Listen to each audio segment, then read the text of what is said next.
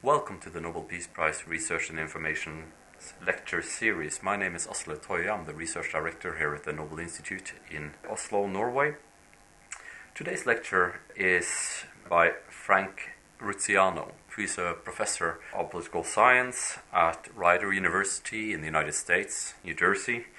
Professor Rusciano is a prolific scholar. He has written several books, over 45 articles on a topic that to many is a bit esoteric, but nevertheless important the question of global public opinion. In his lecture today, Professor Rusciano is, is grappling with some of the most difficult questions. Is there such a thing, uh, such a thing as a global public opinion?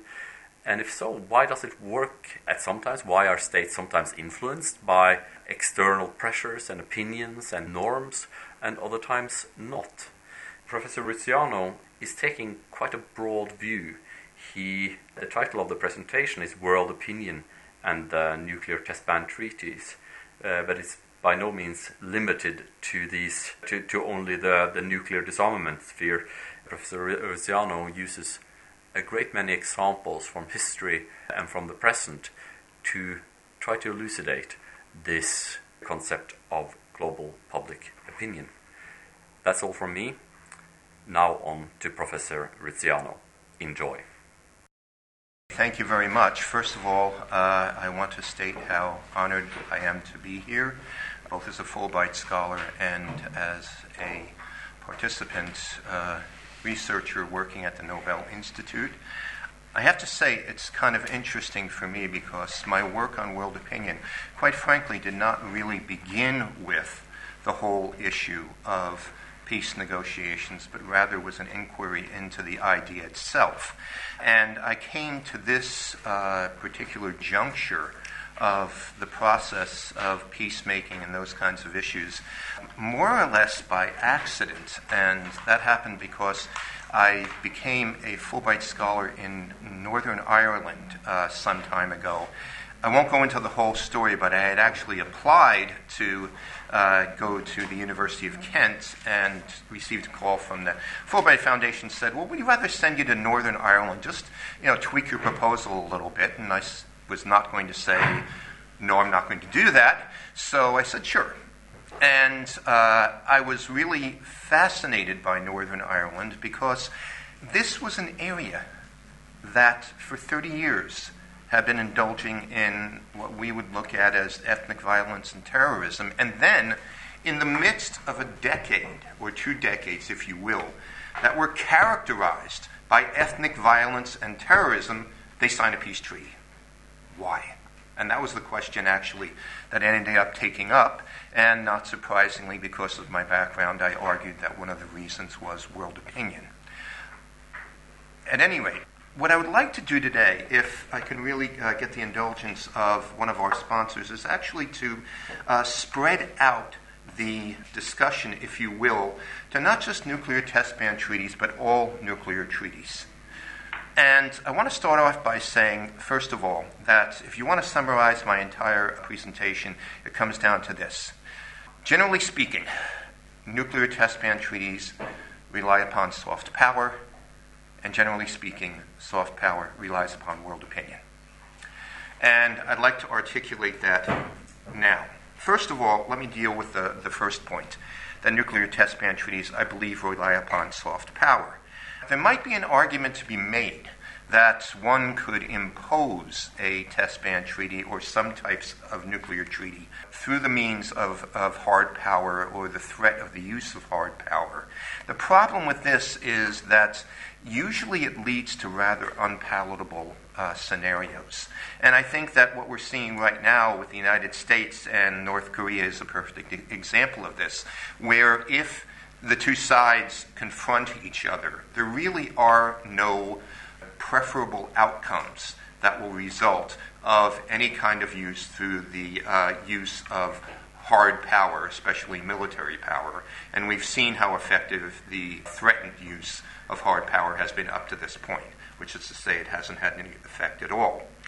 Let's also note, I would say, referring to something that I just happened to read, it was by uh, Eugene Rumer from the Carnegie Peace Foundation, where he said that if you look at the arms control treaties that the United States has signed with uh, Russia or the Soviet Union, formally, they always happened in the context of a diplomatic thaw. In other words, they always happened in a context of soft power being more or less exercised. So, again, I would argue soft, uh, this these treaties depend upon soft power. Soft power depends or is a function of a nation's standing in world opinion. I uh, distributed to, uh, I hope that was distributed to, to everyone, a, a, short essay that I wrote that was more or less straightforward. I wrote it as a, uh, more or less as a favor for the uh, the uh, editors that was just an overview of some of my ideas about world opinion and about the imagined international community. I don't want to really review all of that right now, it would take too much time, except to say that when we talk about world opinion now, or I would argue when we talk about world opinion now, we are not talking about the world opinion that was discussed up to the point of the, the period between the First and Second World War. And there are a number of reasons for that. Uh, again, they're articulated in the paper, and I can go into them later if you like. We're talking about a different kind of world opinion. And I would begin by introducing the notion of the components of world opinion. First, world opinion has a moral component, which refers to values that are shared among nations. Second, it has a pragmatic component, which refers to interests that are shared among nations. Now, moral component, what are some values shared among nations? First of all, the fact is that you will not see any nation coming out, for example, advocating genocide. They may argue over what genocide is, but they won't advocate genocide. Secondly, in terms of interests shared among nations, uh, a lot of times even the arms control treaties are really viewed as not only serving the interests of the parties who sign them, but, but, but uh, serving the interests of all nations by limiting uh, the proliferation of nuclear arms or the further development of them. Third component is the power of world opinion, which refers to any apparent influence that it has on world events and the actions of international actors considered as leaders or nations themselves. Fourth, the nation's image or reputation in world opinion, as it is perceived by the citizens of the nation itself and by the rest of the world. And that's a very critical uh, uh, component that I'm going to come back to in more detail. Fifth, the world considered as a unit. The international community, sometimes they say international society, the community of nations, all civilized nations, some term that really says that the world is thought of as an entire unit. A lot of times when people speak of this, by the way, they'll say, the world condemns this. Well, what do you mean the world condemns that? You're speaking about the world as a unit, some way in which we are talking about a community. And finally, the threat of international isolation, which operates as a potential punishment for nations that do not heed the dictates of world opinion. Now, world opinion, like public opinion, if you want to define it, has to be considered as a process. So, taking these pieces, the way that it more or less works is the moral component provides a value driven justification, usually for condemning an action. World opinion usually doesn't praise, occasionally it does, usually condemns. Pragmatic component contributes to the power of international public opinion, along with the moral component, to influence events by convincing nations that what is moral is also in their interests. Now, let me make a point here. In a lot of cases, when those two conflict, when an individual nation's uh, interests conflict with the moral judgment of world opinion, they will actually go against their interests. And one particular example that I remember here was noted in the Times of India, where the editorial writer was stating that in 1991, okay, if the United States goes to war with Iraq, who is one of our allies, we know that we are going to be the ones to suffer the most. But there is a principle here of the sovereignty of nations that is not to be violated, and Iraq has violated it. At stake is the nation's image in the world or its reputation in world opinion. And again, this I'm going to talk about in a little bit more detail because my research has shown over and over again that there really is a connection between a nation's international image and world opinion and the image that people have of their own nation, particularly the pride that they have in their nation, which goes into their construction of national identity.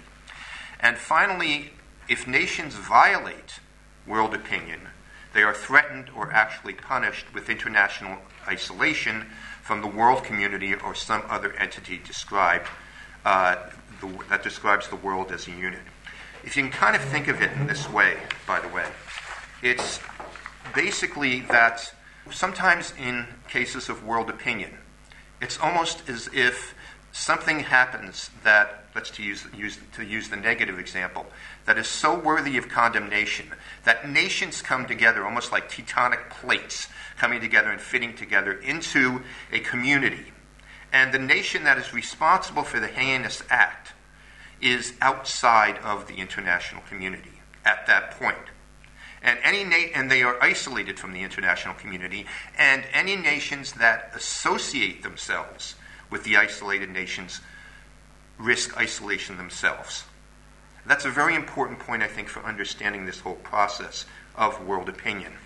Now, one might, I think, reasonably ask is it really the case that the reputation of a nation has this kind of effect upon people's perceptions, their national pride? Well, first, I have to tell you that I would argue that citizens' conceptions of their nations a lot of times are negotiated among a lot of different factors, and two of those factors are nation's reputation and world opinion, and the, the image that they have of the nation themselves. Uh, I've called these, by the way, Fremdbild and Selbstbild, respectively, but we don't have to use the German terms. To give you an example, I studied Germany uh, in the wake of unification, and one of the things that I found was that if you ask Germans, are you liked in the rest of the world? And then look at those people who said Germans are not liked in the rest of the world. They were more less likely than their fellow citizens to have pride in their country, to believe they could be as proud of their country as citizens of other countries, and they didn't even like hearing their national anthem or seeing their flag. That feeling of the relationship between national pride and international image I found over and over again. I found in a study of Northern Ireland, of China, and in two global empirical studies that I've done uh, using the International Social Survey. Let me add one final thing here, okay? Uh, again, that goes to this issue of international image and how it affects how people think about themselves. Because it's a story that involves one of the uh, individuals whose picture is on this wall. I was really interested in, as I said, how was it that Northern Ireland was ever able to negotiate a peace? What prompted these people who hated each other so much to actually reach the Good Friday Agreement or the Belfast Agreement, depending on one's politics? One story I was told was by Monica McWilliams, who is a, an incredible person and was one of the negotiators and signatories of the, uh, the Good Friday Agreement. And she said things were really at an impasse. And leaders of both uh, parties negotiating, uh, Catholics and Protestants, uh, Republicans and Unionists, however you want to uh, describe them, were invited to come down to South Africa and were told, look, we were able to work this out. Maybe we have something to say to you that could be helpful. And they were going to be addressed by Nelson Mandela. And so they went down there. But they both left from different airports because they wouldn't fly in the same plane or from the same airport. When they got down there, they said, We have to have separate accommodations because we will not stay in the same place. We have to have our meals separately because we will not eat with these other people. And we have to have separate bathroom facilities. And, oh, I forgot the best part. Nelson Mandela has to address us separately. He has to give two speeches. Nelson Mandela got up before the delegates from both sides and said the same thing to both. He said, You have brought apartheid back to South Africa. The hatred that I see among you people is worse than anything I have ever seen here in South Africa. And Monica said he shamed them so much that they said, maybe we have to do something about this. Maybe we have to go back. This man, who was such an iconic figure, saying that to them apparently had an effect. Another story, quick story about Northern Ireland. I was uh, riding around with one of my colleagues, Johnny Byrne, who's just a, a brilliant uh, uh, political scientist at the University of Ulster. And I said to him, Johnny, you know, what do you think was a turn, turning point with the peace? And he said, actually, one of the big turning points for the peace happened after the treaty was signed, and that was 9 11. Why? He said, because with 9 11, people in Northern Ireland realized that these individuals who are setting off bombs or killing people or shooting people are not heroes. They are not revolutionaries. They are terrorists. And the rest of the world recognizes that, and we have to recognize that. So, again, just two separate stories, again, and anecdotal evidence only goes so far. But as I said, a lot of this I've seen in the, in, in the empirical evidence also. Now, how does world opinion relate to soft power?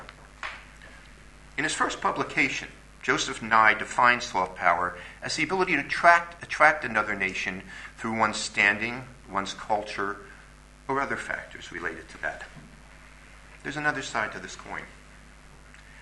If you are isolated in world opinion, if you are considered a pariah for whatever reason, you do not attract other nations, you will repulse other nations.